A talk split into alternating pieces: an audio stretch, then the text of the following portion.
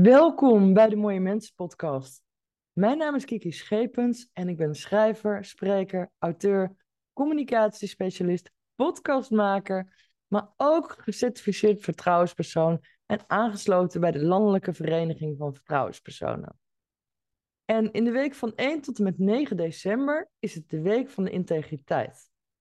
En ik vind het belangrijk om daar aandacht aan te besteden. En daarom heb ik daar ook een blog over gemaakt.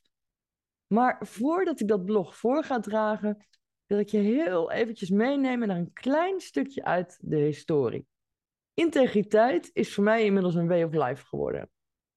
En onder integriteit versta ik onder andere ook dat je niet gaat lopen schreeuwen of schelden tegen mensen. Maar ja, betekent dat dan dat ik altijd zo geweest ben? Nou nee, alleen je wordt gelukkig ouder en je leert en dat is ook goed. Want toen ik de cursus startte, hè, de opleiding tot vertrouwenspersoon, toen kregen wij de vraag: wie van jullie kan er een voorbeeld noemen waarbij er sprake was dat je even niet zo integer was? Waarop ik zei: Nou, dat kan ik wel. Ik zei namelijk van, uh, ja, toen ik erachter kwam dat mijn toenmalige echtgenoot vreemd was gegaan, toen heb ik bijna zijn elleboog gebroken. Waarop een andere cursist zei, oh, dat valt nog mee. Ik heb destijds de neus van mijn man gebroken. Nou ja, we kwamen allemaal tot de conclusie dat dat niet zulke integere dingen zijn. Maar ja, het zijn besluiten die je dan neemt in het moment. En ja, we zijn allemaal mensen. Maar wat nou het, ja, een grappige anekdote is om te vertellen. Ken je dat liedje um, van Beyoncé, Irreplaceable? Dat is zo'n liedje en daar heb ik met een vriendin van mij vroeger verschrikkelijk veel lol om gehad. Want eh, in het filmpje, in de clip die je ziet, daar betrapt zij haar man op vreemdgaan. En dan staat ze in een hele sexy bustier, staat ze naast een deurpost en dan zingt ze met een nagelvel in de handen. To the left, to the left. En ik grapte altijd tegen mijn vriendin, nou, serieus. Denk je nou werkelijk dat wanneer ik erachter kom dat mijn man vreemd gaat, dat ik dan bij de deurpost ga staan in sexy kleding en ga zitten zingen van to the left, to the left. Nou, die vriendin van mij die lag helemaal in de deuk natuurlijk. En nog steeds hoor, als ik dat nummer hoor, moet ik aan haar denken. Of als we toevallig ergens zijn en het nummer wordt afgespeeld, ja, dan hebben we nog steeds lol daarom. Want ja, het, dat gebeurde dus niet. Hè? Dat ik daar stond van to the left, to the left. Maar goed, dat vond ik wel even toch wel grappig om te vertellen. Het is gelukkig goed gekomen met die elleboog volgens mij. Dus ja, ik had het niet mogen doen. Maar wat ik zeg, het is in het moment. Maar dan mijn blog over integriteit. Want eh, een tijdje terug plaatste ik een poll op een van mijn socials. En de antwoorden die volgden op de vragen, die waren eigenlijk heel verschillend. voor, voor de een uh, is integriteit eerlijk en betrouwbaar zijn. Voor de ander is dat oprecht en onkreukbaar. En de keuzemogelijkheid rechtschapen, ja, die bleef leeg. En dat geeft niks, maar eigenlijk zijn al deze antwoorden goed. En als je op internet zoekt op het woord integriteit, dan kom je nog veel meer verschillende woorden tegen. Maar integriteit is voor mij als gecertificeerd vertrouwenspersoon, wat ik al zei, echt een way of life geworden. En ja, op, op zich met um, het gezegde, wat gij niet wilt dat u geschiet, doe dat ook een ander niet.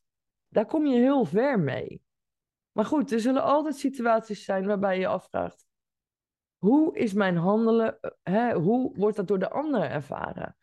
Want je houdt ook echt rekening met de gevoelens van anderen. Want ja, en het lijkt zo kinderlijk eenvoudig, maar um, omdat integriteit zoveel meer dan dat omvat, besteed ik ook vandaag in de Week van de Integriteit aandacht aan dit onderwerp. Want het onderwerp komt de laatste tijd, of de laatste jaren, steeds meer in de media aan bod. we kennen allemaal um, de woorden machtsmisbruik, intimidatie, vertrouwenspersonen, vertrouwenspersonen. En er zijn heel veel gebeurtenissen in de media verschenen. Uh, denk aan The Voice, onlangs De Wereld Draait Door, waarop heel veel mensen zich geroepen voelen om te reageren. Ik doe dat bewust niet. Ik onthoud me van enige reactie, want ik ben er niet bij geweest. Ik heb het niet persoonlijk gehoord. Ik heb de betrokkenen niet gesproken. Ik heb geen stukken gezien. Dus wie ben ik om daar op dit moment al iets van te vinden? in ieder geval aan publiek van te vinden. Nee, dat doe ik dus niet. En iedereen die dat wel doet, dat moet ieder voor zich weten. Hè? Want dat is ook oké. Ik ga uit van het principe, ik ben oké, jij bent oké. Maar dan weet je in ieder geval dat ik in dit stadium me nog niet geroepen voel om daar iets over te zeggen of te schrijven. Want weet je, als ik op basis van vermoedens of gevoelens me mee zou laten slepen in mijn emoties, wat zou dat over mij zeggen als vertrouwenspersoon? En ik begrijp heus wel dat mensen doen en dat respecteer ik ook, maar ik doe het gewoon niet. Want vertrouwenspersoon, dat ben je 24/7 en ook nog eens op persoonlijke titel. Maar wat mij opvalt, is dat veel mensen niet weten wat een vertrouwenspersoon precies doet. En laat staan wat hij of zij kan betekenen voor anderen. Want veel mensen denken dat een vertrouwenspersoon iemand is bij wie je alles kwijt kunt in vertrouwen en dat die vervolgens voor jou de hete kolen uit het vuur gaat halen. Nou, nieuws voor je, dat is niet zo. Als vertrouwenspersoon ben je er voor mensen op de werkvloer die aanlopen tegen ongewenste omgangsvormen of integriteitsschendingen. En dat hoeft niet alleen op de werkvloer te zijn. Hè? Het kan ook binnen een sportclub zijn of binnen een vrijwilligersvereniging. Maar een van de redenen dat het vak van vertrouwenspersoon in het leven is geroepen, is om de psychosociale arbeidsbelasting te verminderen of te beperken. Nou heb ik hier een heel uitgebreid blog over geschreven. Ik haal een paar stukjes aan van die ik in dat blog heb vermeld. Want ja, en ik zou eigenlijk willen zeggen, lees het. Kijk eventjes op www.kikischepens.nl. Want dan weet je gewoon wat meer. En weet je ook wat je kunt verwachten. Niet alleen van mij, maar ook van collega-vertrouwenspersonen. Tenminste, als het opgeleide vertrouwenspersonen zijn. Want ja, de wet verplicht niet echt een vertrouwenspersoon. Maar in het kader van de Arbo-wet wordt wel geadviseerd om ja, die psychosociale arbeidsbelasting te verminderen en zoveel mogelijk te beperken. En dus is het raadzaam om een vertrouwenspersoon te hebben. Maar wat doen veel bedrijven? Die wijzen een werknemer aan, eh, vaak iemand van HR of een leidinggevende. En dan is het ook vaak met de gedachte, nou ja, dan hebben we dat stukje in ieder geval afgedekt. Hè? Als er wat aan de hand is, dan ben jij de vertrouwenspersoon.